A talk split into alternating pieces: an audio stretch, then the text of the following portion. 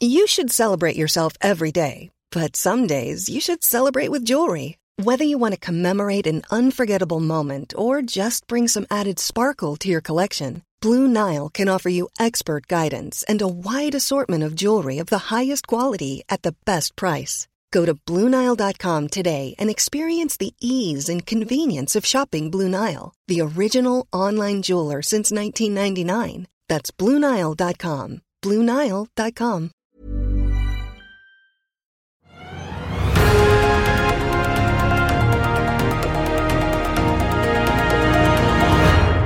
Nå har de gjort det igjen. De har økt rentene. Ja, det er ikke første gangen du har hørt dette bli sagt av oss i pressen det siste året halvannet, enten det er snakk om sentralbankenes styringsrenter eller bankenes utlånsrenter. I sentralbankenes arbeid med å få has på prisveksten, så blir resultatet i hvert fall synlig ganske fort for de fleste av oss. Vi har eh, mindre å rutte med hver måned etter at banken har trukket renter og avdrag på de lånene vi har, og bedriften vi jobber i merker det kanskje også, ettersom eh, manges finansieringskostnader også øker, ja kanskje så mye at en del nysatsinger ikke blir noe av. Og når vi nå er inne i en periode periode med ordentlig inflasjon igjen, som vi knapt har sett maken til siden 80- og 90-tallet. Må vi kanskje også endre litt tankesett? Må vi forberede oss på at lønnsoppgjør og levestandard ikke kan øke like mye som det vi har sett tidligere? I hvert fall når vi etter hvert skal ruse oss litt av oljen, og ikke kan regne med at kanskje østeuropeere og andre syns det er like fristende å komme hit til Norge og jobbe som før. Velkommen til oss her i Finansavisen og til denne podkasten i Økonominyhetene sommerserie, der vi snakker med ulike personer som på hver sin måte skal gi oss noe å tygge på i disse sommerukene, der du forhåpentligvis får koblet litt av, uansett hvor i verden du måtte befinne deg. I denne episoden så skal vi snakke med en sentral aktør, og får jeg si premissleverandør, i den økonomiske debatten her i landet, som i senere tid ikke har vært redd for å si akkurat hva de mener om renteøkningene til vår felles sentralbank nede i Oslo sentrum. Roger Bjørnstad, sjeføkonom i LO, velkommen til oss. Tusen takk. Eh, jeg vet ikke helt uh, hvordan dere ser på det, men uh, siden denne kritikken deres av Norges Banks rentesetting jeg får si, kom ikke i år, begynte i fjor, får jeg si kanskje i hvert fall tydeligst. Eh, så syns i hvert fall jeg det var litt uvant å høre såpass krass kritikk eh, fra en aktør i arbeidslivet mot eh, en av de tross alt da uavhengige institusjonene vi skal ha i den økonomiske politikken her i landet. Hvor kommer denne kritikken fra? Ja, du må jo huske på at vi er, har ansvar for lønnsdannelsen i Norge. Og lønnsdannelsen er også del, kan du si, i den økonomiske politikken. Fordi inntektspolitikken bygger på at eh, lønnsoppgjørene eh, legger til rette for at man kan ha full sysselsetting uten høy inflasjon. Det er et ansvar som, er, som, hviler på LO og NHOs og de andre partene i arbeidslivet sine skuldre.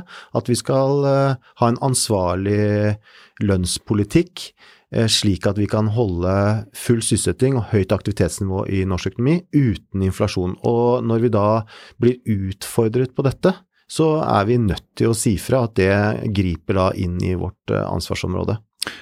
Men uh, din sjef, da, for å si begge Hessen Følsvik, uh, kalte det jo senest nå etter den doble renteøkningen vi fikk på det forrige møtet, ubegripelig og uforsvarlig. Mm. Men Norges Bank sitter jo der og ser seg rundt og ser at uh, KPI-tallene fra SSB de går jo ikke noe særlig ned. Vi ligger jo fortsatt uh, nesten på uh, Ja, det er ikke tosifret, da, men vi er godt oppå skalaen likevel. De ser hva sentralbanker rundt i Europa og rundt i verden gjør. Og nå har jo svenskene kommet etter og økt med 0,25 til 3,75 de også. Så handler dette egentlig mer om ting utenfor Norge? Det handler helt klart ting uh, utenfor Norge. Uh, inflasjonen i Norge er uh, fullt og helt importert. Så spørsmålet blir hvordan vi håndterer det her hjemme. Og er ikke, vi er jo ikke uenig i at inflasjonen har økt, og vi er heller ikke uenig i at det er kostbart med inflasjon. Men vi må kunne stille to kriterier til eh, virkemiddelbruk i møte med høy inflasjon. Det ene kriteriet det er at eh, virkemiddelet virker på målet. Altså, vi må, øke, vi må jo stille som krav til økt rente at det faktisk bringer ned inflasjonen. Det er det ene. Og det andre kravet vi må stille, er at eh, vi må også uh, forvente at den økte renta At det ikke er andre ting som bringer ned inflasjonen. At ikke inflasjonen går ned av seg selv. For da er jo det å sette økonomien over styr med renta unødvendig. Du tar tatt så mye antibiotika, holdt jeg på å si. Ja. Ikke sant. Så, så vi, vi, vi, kan ikke bare si at eh, inflasjonen har økt, ergo må vi øke renta. Vi må faktisk si at økt rente vil virke, og, må, eh, og er nødvendig. Men når vi ser, og dette er jo ikke bare i Norge, nå er jo kjerneinflasjonen på 6,7, i hvert fall eh, i det vi sitter her, eh, den nyeste rapporten fra SSB, rekordhøyt. Uh, var 6,4 på forrige topp i januar.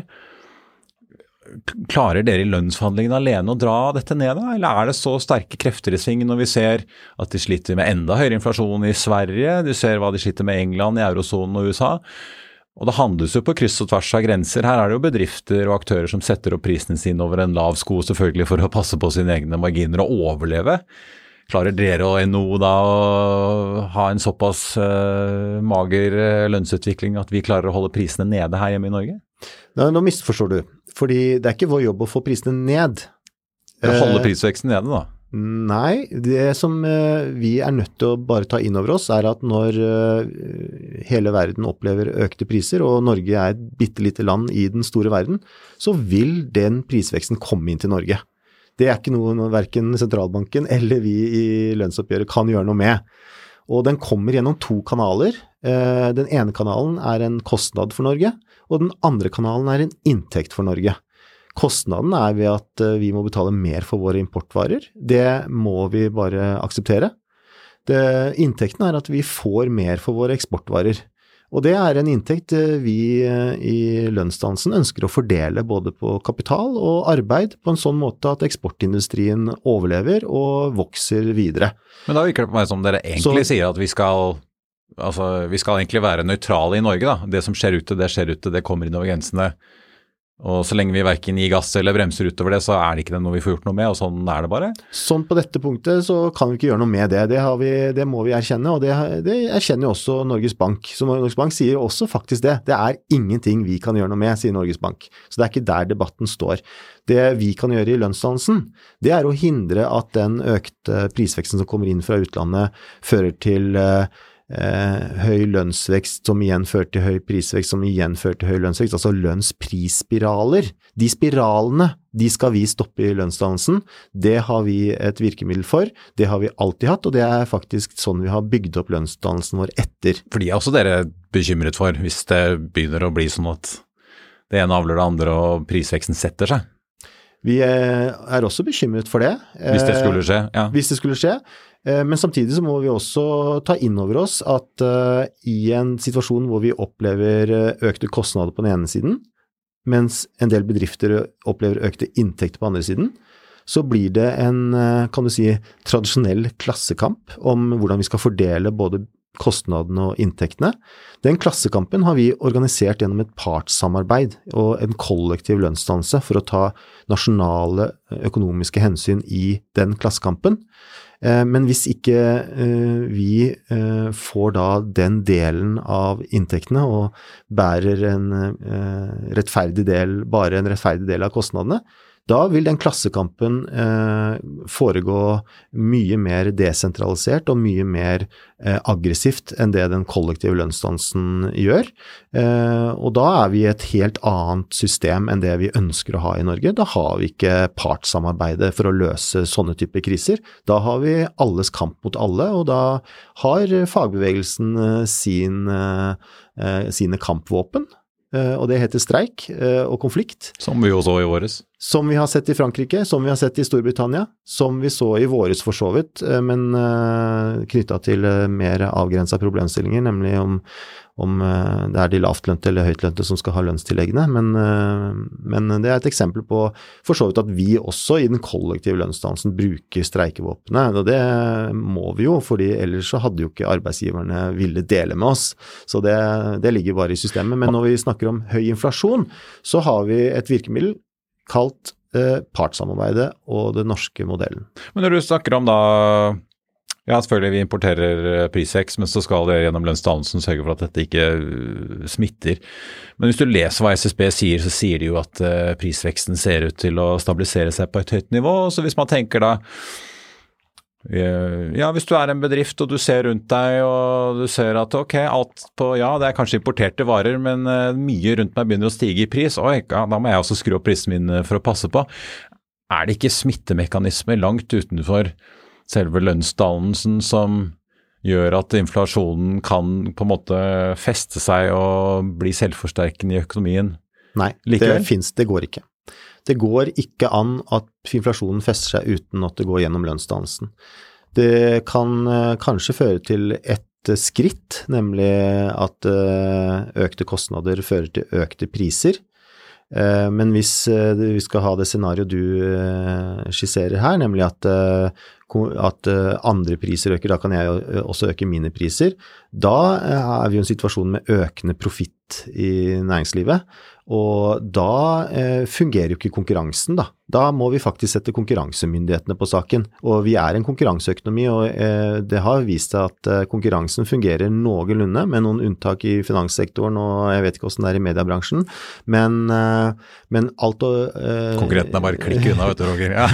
men, men eh, det, det breie laget av norsk næringsliv har en såpass stor konkurranse seg imellom at profittmarginene holdes nede. Og, eh, og, vi kan ikke tenke oss et scenario hvor prisene skal bare stige, stige, stige, stige, stige uten at kostnadene stiger. Det, det, uten da, at lønningen stiger, ja. Da, ja Men det er vel det hele konseptet stiger, handler om med inflasjonsforventninger, at det setter seg et inntrykk i befolkningen etter hvert, at man blir vant med at prisene øker, eller har økt, så da forventer man også at det vil skje, og så blir det en slags selvoppfyllende profeti etter hvert. Fordi, Men det må uansett gjennom lønnsdansen. Ja, du, du, du, kan ikke forvente deg til høyere prisvekst uten at kostnadene øker. Altså, det, det, det, det finnes ikke pris-pris-spiraler, for å si det sånn. Det finnes pri, bare pris-lønnsspiraler. Den kritikken dere kommer med nå da mot uh, Dere er jo en viktig institusjon i norsk økonomi, Norges Bank en viktig institusjon, men de har jo litt spesiell rolle, sentralbankene, likevel.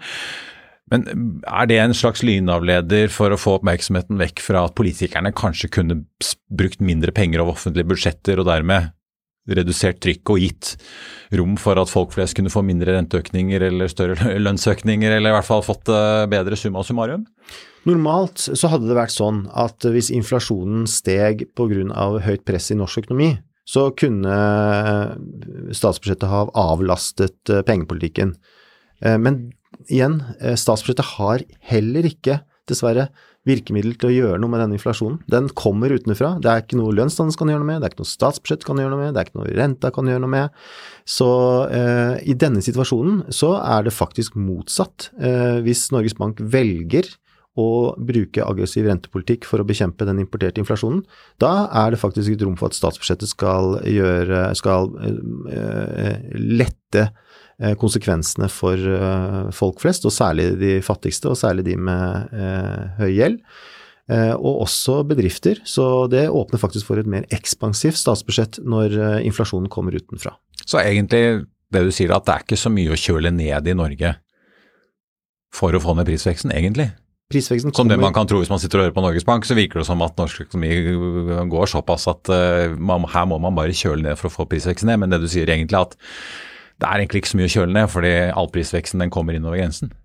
Det er det. Eh, vi kan velge å kjøle ned økonomien for å kompensere for den importerte prisveksten, og få ned norske marginer, eh, øke norsk arbeidsledighet, presse lønnsveksten nedover, eh, for at arbeidstakerne ikke skal ta sin del av verdiskapingen, sånn at den heller havner hos arbeidsgiverne eller kapitaleierne. Det, det, den makten har Norges Bank gjennom sin rente. Eh, men det er helt unødvendig for å gjøre noe med denne inflasjonen. Så det er bare å gripe inn i eh, inntektsfordelingen i Norge. Eh, og den inngripenen der, det er å tråkke i vårt bed. Jeg har jo sett, eh, og senest dette spørsmålet kom opp eh, for ikke så lenge siden, da Den europeiske sentralbanken hadde det årlige mm, sentralbankforoa sitt, heter det vel, i Sintra i Portugal. De samlet jo USAs, Japans, Englands eh, sentralbanksjefer sammen med Christine Lagarde selv, lederen for Den europeiske sentralbanken. Spørsmålet i dette panelet kom jo opp, og jeg har hørt det før også, burde vi kanskje endre på inflasjonsmålet? Går vi inn i en tid hvor prisveksten kommer til å være høyere? Så kan jo du mene at det er bare importert, andre mener at det er en kombinasjon, eller at dette er selvforskyldt i Norge også, at vi må gjøre noe med det. Men uansett, Mener dere at svaret er at vi kanskje ikke bør sette 2% som krittstreken lenger, men gå tilbake til 2,5% som vi hadde i Norge før som inflasjonsmål, eller kanskje høyere? At vi går inn i en periode hvor det å ha 2% er helt uh, utopisk? Det er jo ikke et svar på dette problemet, uh, men det kan godt hende det allikevel uh, kan være nyttig å øke inflasjonsmålet. Eh, for problemet kan jo ha sitt opphav i at vi har ressursmangler, og særlig energimangel i det grønne skiftet, og at man eh, ønsker å bruke prismekanismene for å vri eh, etterspørselen vekk fra fossil energi til energi, fornybar energi. Med et lavt inflasjonsmål så kveler man jo prismekanismenes effekt på å vri etterspørselen. Eh, og det kan være uheldig når vi skal gjennomgå store omstillinger. Eh, vi trenger høy prisvekst på de eh, tingene vi skal bort fra, og lav prisvekst på de tingene vi skal mot. Eh, men hvis ikke vi kan ha høy prisvekst på de tingene vi skal bort fra, pga. et lavt inflasjonsmål, så vil jo det hindre det grønne skiftet. Mm. Eh, men eh, grunnen til at dette ikke svarer ut dagens problem, det er jo at prisveksten eh, vi opplever, eh, den skyldes forhold på tilbudssiden av økonomien eh, som rentene ikke kan gjøre noe med. Ja, Vi så jo på vei, i hvert fall både under pandemien og på vei ut, så var det jo først mangel på konteinere, for alle satt hjemme og nettshoppet, så ratene der ikke i været. Så så vi at nedstengingen i Kina ga ganske stor kutt i produksjonskapasiteten på mange ting. Nå ser vi også at etter Ukraina-invasjonen og Kinas stadige aggresjon mot Taiwan, så driver amerikanerne også EU og jobber med det samme og, hva skal jeg si, homesource. Og flytte hjem en god del produksjon som i dag ligger i uh, Asia. Dette kombinert med det du sier om det grønne mm. skiftet, da. Ja. Uh, bobler det opp i at ting bare rett og slett Vi må bli vant til at ting blir dyrere? Vi, ikke bare det å fylle tanken på bilen, holdt jeg på å si.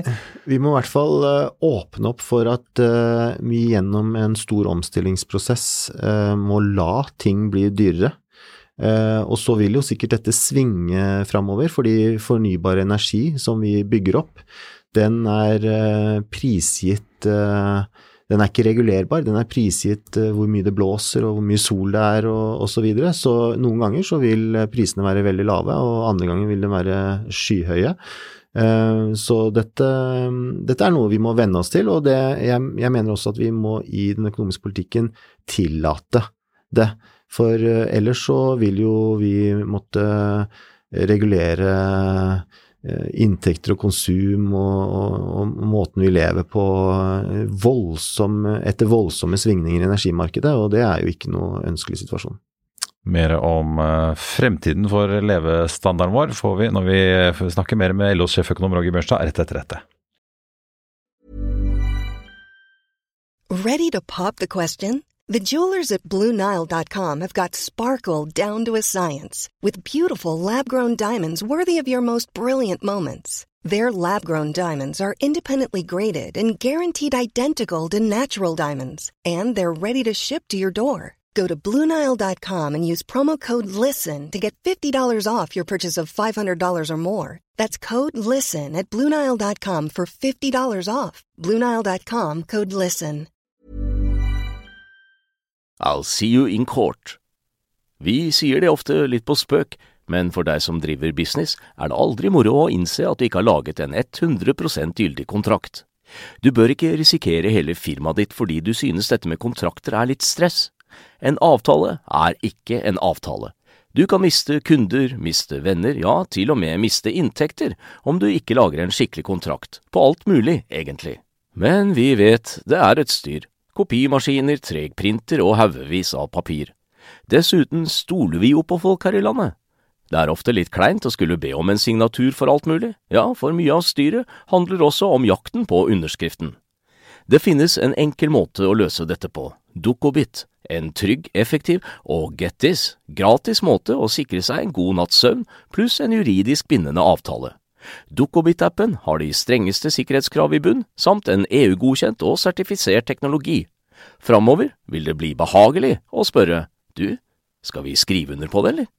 Kom i gang på dukkobit.no. La oss plukke opp litt på tråden på det, da.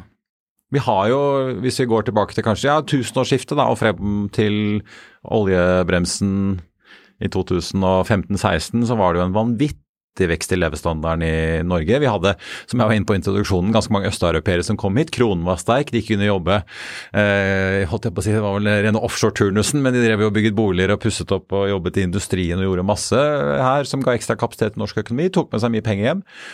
Men den tiden virker jo å være over. Nå tjener jo polakkene nesten like bra å jobbe hjemme hos seg selv. Uh, oljenæringen har ikke den enorme impulsen inn lenger. Det er kanskje noen år nå med oljeskattepakken, men det er jo en kortvarig affære hvis ikke det gjøres noen veldig store nye funn som skal uh, bygges ut.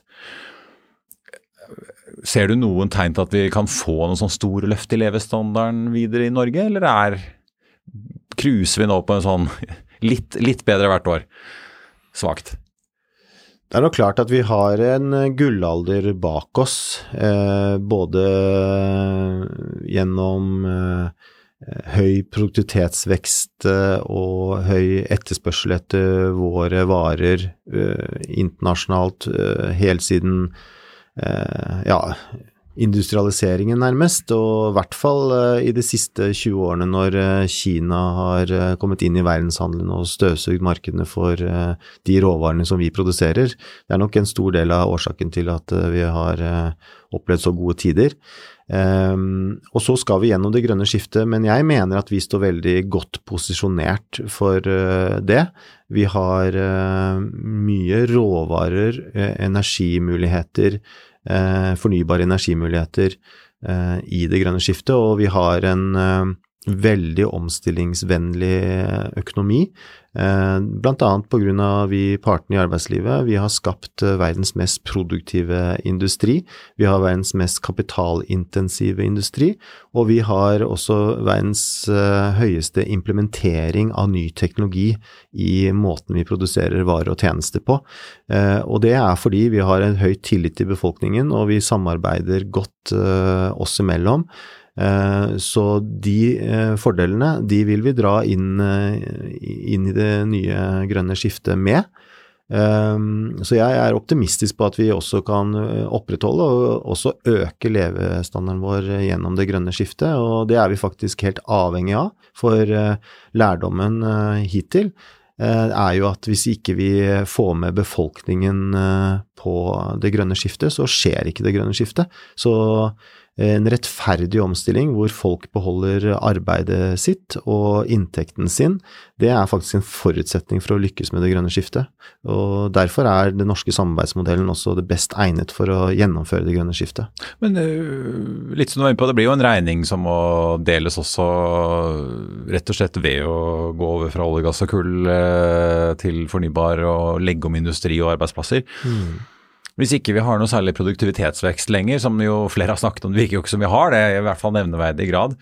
Klarer vi da å hente ut noe lønnsvekst av betydning? Blir det ikke mer et spørsmål om uh, å gå fra å fordele inntektsveksten som vi har gjort mellom kapitaleiere, bedriftseiere og arbeidstakere, til å fordele regningen på den grønne omstillingen? De høye kostnadene vi nå importerer, eh, som vi startet å snakke om, nemlig den høye inflasjonen, den, eh, den må fordeles eh, helt opplagt. Hvis vi nå snakker om hvilke industrimuligheter det er framover, om de industrimulighetene er produktive og kan generere høy økonomisk vekst, eller om de er lavproduktive og vi må ned i levestandard, det vil jo vi måtte vente med å se. Men når jeg er optimistisk, så er jeg det fordi at jeg tror den fornybare energien eh, som eh, vi kan produsere i framtiden, den vil være høyt etterspurt og høyt verdsatt. og vi har en industri som, som står klare med kapital og kunnskap og arbeidstakere til å produsere den infrastrukturen som skal til for å utvinne denne nye energien. Eh, så jeg tror at, eh, at, vi kommer gjennom det grønne skiftet med å beholde inntekter, beholde arbeidsplasser og til og med kunne generere ny økonomisk vekst på en bærekraftig måte. Eh, bare se mulighetene som ligger innenfor hydrogenproduksjon. Eh, hvis vi klarer å løse, eh, løse, teknologien med å fange og lagre karbon, CCS, så står døren åpen for at vi kan utnytte alle våre gassreserver og omdanne de til hydrogen, som verden vil måtte trenge det, etter det grønne skiftet, fordi vi ikke i dag vet en annen måte hvor f.eks. Den, den langtgående skipstrafikken kan, kan, få sin energi fra på annen måte enn hydrogen, f.eks. Det er bare å holde kranene åpne på trålfeltet, i hvert fall. Ja. ja, så vi har jo gassressurser til, til for, for neste 200 år. Eh, men hvis vi må legge ned alle all plattformer og all eh, gassvirksomhet eh, innen 2050, som er da Paris-målet, så vil jo mye av den kapitalen vi har bygd opp legges død, og da må vi ned i levestandard. Men hvis vi klarer å omdanne den gassen til hydrogen, så er det store muligheter for også den sektoren. Du var inne på det, Skal vi få dette til, så må vi jo Det må bli dyrere det vi skal gjøre mindre av. Det kan vi kanskje si at EUs kvotesystem etter hvert vil gjøre med CO2. At prisen for å slippe ut vil bli så høy at uh, man vil gjøre mindre av det.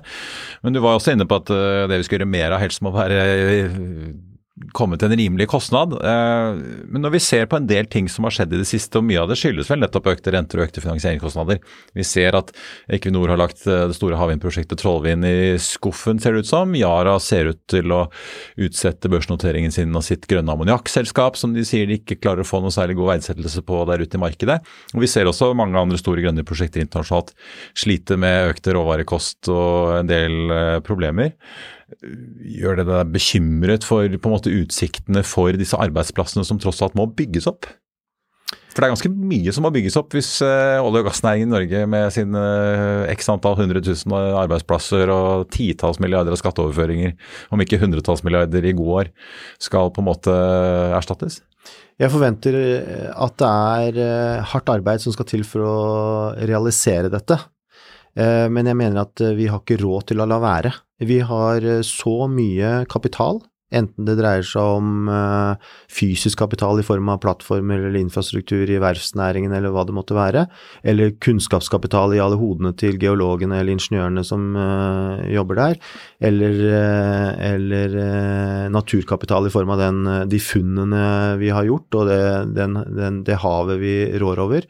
Hvis eh, staten skal nedskrive verdien av dette de eier eh, til null, så eh, blir det kostbart for Norge. Så her må faktisk staten inn og sikre den etableringen og den oppbyggingen av den kapitalen som skal til for å omdanne naturgass til hydrogen uten utslipp av karbon. For å bygge de havvindprosjektene, for å elektrifisere Eh, det som skal elektrifiseres. For hvis ikke vi klarer det, så blir det kostbart. Men er dere, Nå virker det nesten som dere i LO er mer begeistret for CCS, eh, altså karbonfangst, enn dere er for eh, havvind og batterifabrikker? CCS må til for å fange karbonet i naturgassen. Og, og, på en måte beskytte de verdiene som slik ligger på sokkelen? Ja. ja, slik at vi kan omdanne naturgassen til hydrogen. Men så må vi utvinne naturgassen med elektrifisert eh, sokkel. Eh, og for å gjøre det, så er havvind helt essensielt. Så dette er ikke noe enten-eller, her må vi gjøre begge deler. Men når du ser eh, Nå har jo, eh, virker det som politikerne på Stortinget da kommer til å jekke opp rammen for støtte til i hvert fall Sørlig Nordsjø, denne første av de to blokkene som skal eh, bygges ut, fra 15 til 23 milliarder i støtte. Man ser hva mange aktører i vindbransjen, både Vestas og Siemens Gamesa og Ørsted, sliter med både i USA og Europa. Negative marginer og prosjekter som må skrives ned i verdi. Ser du på det som en, på en, måte, en kortsiktig utfordring, eller er, har vi på en måte et problem at jo, vi kan kanskje som nasjon være gode på havvind, for vi er gode offshore, men det er kanskje ikke så lønnsomt som vi har håpet på? Nei, privatøkonomisk så sliter vi jo med å få lønnsomhet i dette, men samfunnsøkonomisk, og særlig for Norge som, eh, som helhet, så er det svært lønnsomt å utnytte disse naturressursene, eh, og jeg vil si faktisk helt essensielt. For som sagt, hvis vi skal nedskrive all vår kapital som er investert i denne kunnskapen til null, da blir vi fattige. Så her har vi ikke råd til å la være, og at private markeder ikke klarer å løse det, betyr bare at staten må inn og sikre at det blir gjennomført. Men når du ser da disse beløpene, en ting er på havvind, men du ser hva disse batterifabrikkene ber om av støtte, og ikke minst kanskje hva de får i USA gjennom Inflation Reduction Act. Disse støttebeløpene kommer jo i utgangspunktet fra lommebøkene til mange av dine medlemmer og folk, altså skattebetalerne. Eh, for det er jo offentlige penger som da brukes på å eh, få i gang industri. Er dere bekymret for at her er det noen som stikker av på en måte med penger som egentlig ikke kommer til så veldig god nytte? Absolutt, det må vi være smarte på. Vi må jo ha et uh, et støtteregime som eh, sikrer støtte til den billigste og beste teknologien. Så her må vi jo ikke bare dele ut uten kriterier. Eh, men nå vil jeg også si at batterifabrikker stiller en litt annen kategori enn f.eks. havvind og, og CCS. Eh, hvor batterifabrikker for så vidt kan plasseres andre steder i verden, og hvor vi blir eh, Eh, fort utkonkurrert eh, fordi vi eh, ikke har naturlig fortrinn eller ikke har noe spesielt lavt kostnadsnivå. Men når det gjelder havvind for å elektrifisere egen produksjon, og når det gjelder CCS for å omdanne naturgass til, til hydrogen, så mener jeg at vi har ikke råd til å la være. Vi må innom kunstig intelligens. Vi har jo snakket med akademia om dette, får jeg si, tidligere i denne sommerserien. Konklusjonen fra Inga Strømke oppe ved NTNU var vel at uh, ja, i hvert fall Telia og Telenor kan ikke si opp hele kundeservicestaben enda, for så smarte er ikke disse systemene, selv om det har skjedd imponerende mye på, uh, på noen år. Men hvordan ser dere på dette, eller egentlig da effekten ut i arbeidslivet? Er det sånn at disse datasystemene, hvis vi skal være litt generelle og ikke kalle de mer intelligente enn det de er, da, kan de faktisk bidra til noe produktivitetsvekst i dette tiåret, tror dere?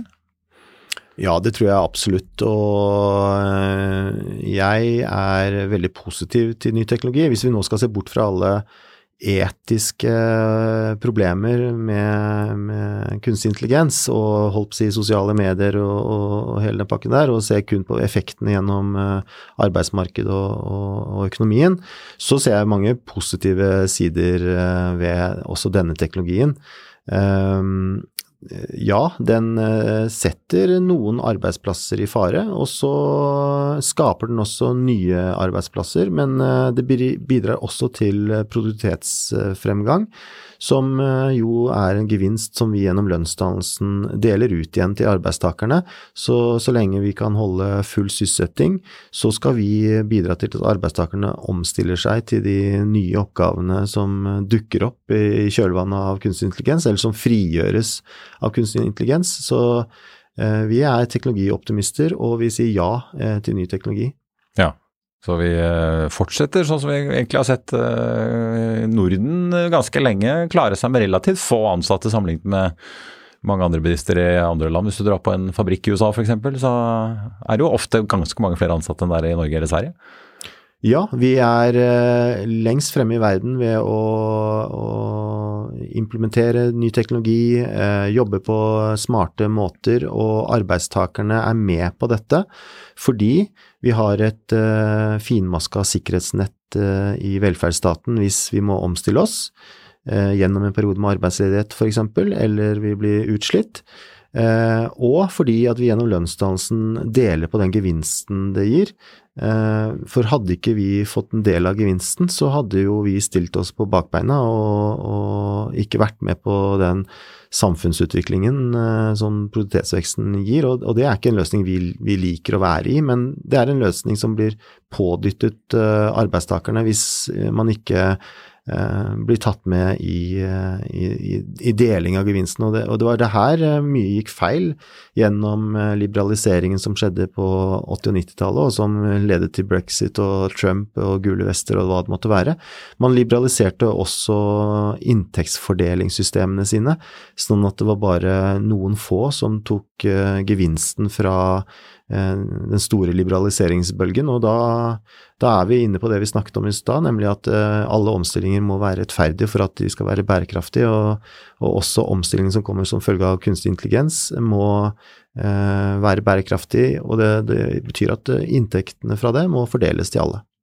Som vi kanskje også ser konsekvensen av nå i, hvert fall amerikansk økonomi, hvor det virker som uh, en del bedriftseiere nesten får en slags takk for sist fra arbeidstakerstanden, som nå plutselig har ganske stor forhandlingsmakt uh, i et veldig stramt arbeidsmarked. Nettopp. Til slutt, Roger, jeg må nesten bare runde av med denne sentralbanken vår. Det er ikke så lenge til det er Arendalsuke igjen. Noen i den innerste Oslo-boblen syns kanskje det er sommerens vakreste eventyr. Men i hvert fall, du og mange andre skal ned dit for å diskutere, debattere og også høre på sentralbanksjefen, får vi tro da, rentebeslutning på torsdagen. De har jo som alle andre flyttet ned til Arendal denne uken, Norges Bank. Tror du at uh, de klinker til med enda en økning? Som uh, for veldig mange så er det litt vanskelig å skille tro og håp. Uh, men jeg håper jo at de ser at inflasjonen vi har i Norge, den håndteres best av partene i arbeidslivet og at man ikke trenger å gå veien om uh, høye konkurstall og høye ledighetsrater før, uh, for å gjøre noe med den. Uh, men jeg tror de kommer til å øke renten hvis jeg skal basere den troen på hva de selv sier. Så det må vi belage oss på.